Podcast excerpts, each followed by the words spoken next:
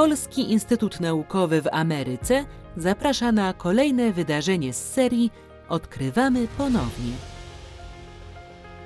Prezentujemy wybrane archiwalne materiały przechowywane w kolekcjach Piasa w Nowym Jorku i będące polskim dziedzictwem kulturowym na obczyźnie. Materiał powstał na potrzeby zadania Organizacja jubileuszu 80-lecia działalności Piasa oraz kontynuacja digitalizacji i promocji zbiorów. Dofinansowano ze środków Ministra Kultury i Dziedzictwa Narodowego Rzeczypospolitej Polskiej.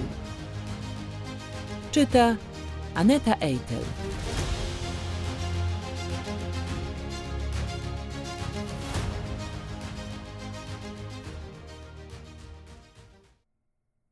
Drugi grudnia 1939 Poselstwo Rzeczypospolitej Polskiej w Rio de Janeiro. Tajne. Napaść Sowietów na Finlandię. Napaść Sowietów na Finlandię była dla tutejszych sfer politycznych niespodzianką. Do ostatniej bowiem chwili liczono się tu, że wiszący w powietrzu konflikt uda się załatwić w drodze pokojowej dzięki koneksjom ze strony Finlandii w odniesieniu do Sowietów. Tym większe wrażenie wywołała brutalna agresja sowiecka, przy czym tak prasa, jak i tutejsze Ministerstwo Spraw Zagranicznych podkreślają, że metody, jakie zastosowała Rosja w stosunku do Finlandii przed rozpoczęciem akcji wojennej, są identyczne z metodami niemieckimi poprzedzającymi inwazję na Polskę.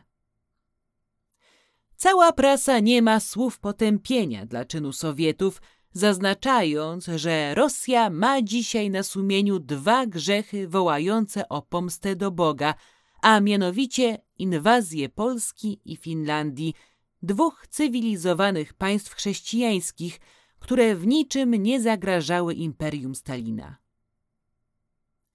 Kampania przeciw Sowietom ze strony prasy jest tym ostrzejsza, że jak wiadomo, Brazylia nie nawiązała dotąd stosunków dyplomatycznych i handlowych z Rosją, w związku z czym cenzura prewencyjna toleruje komentarze nieprzychylne dla Sowietów, które na pewno nie mogłyby być opublikowane, gdyby chodziło o Niemcy.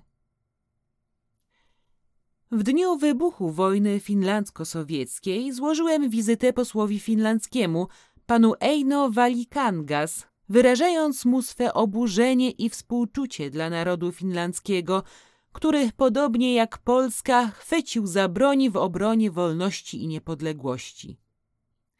Poseł finlandzki oświadczył mi, że miał on już moc dowodów sympatii ze strony społeczeństwa brazylijskiego i prasy, Zwrócił jednak moją uwagę na fakt, że rząd brazylijski również i w wypadku Finlandii pragnie widocznie nie angażować się niczym w konfliktach europejskich, gdyż znamiennym było, że Brazylia była jedynym państwem spośród 22 republik amerykańskich, które nie przyłączyło się do apelu skierowanego z inicjatywy Argentyny na konferencję państw skandynawskich – zwołaną w dniu 16 października bieżącego roku przez króla Gustawa w Sztokholmie. Poseł finlandzki twierdzi, że ma niezbite dowody, że akcja Sowietów przeciwko Finlandii była uplanowana w ścisłym porozumieniu z Niemcami.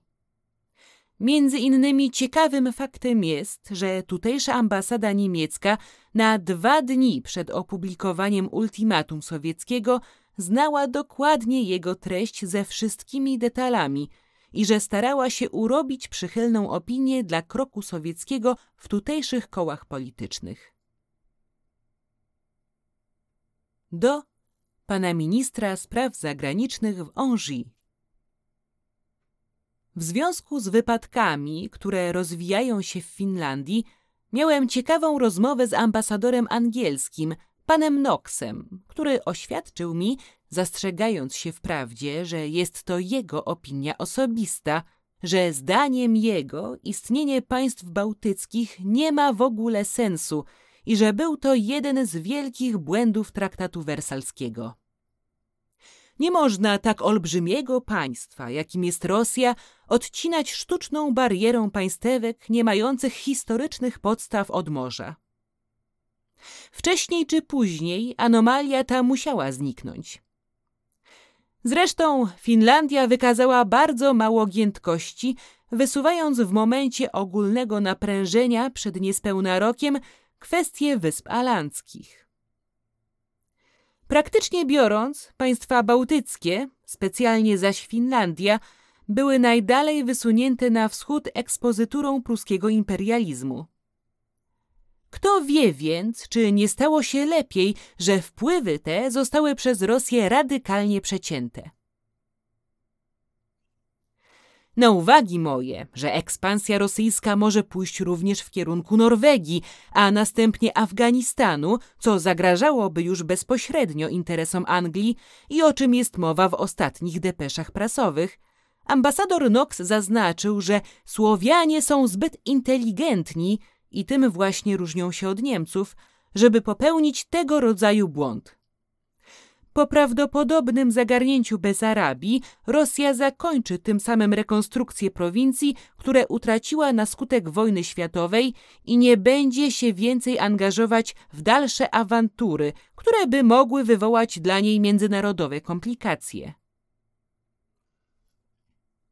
Wracając do rozmowy z posłem finlandzkim, ten ostatni prosił mnie, aby poselstwo polskie dopomogło mu w zorganizowaniu akcji prasowo-propagandowej przeciwko Rosji na terenie Brazylii, w pierwszym rzędzie we wpływowych tutejszych sferach katolickich, do których on, jako protestant, nie ma dostępu. W związku z tym proszę pana ministra o udzielenie mi instrukcji, czy i w jakiej mierze należy współpracować z poselstwem finlandzkim w akcji, o której mowa. Poseł RP dr Tadeusz Skowroński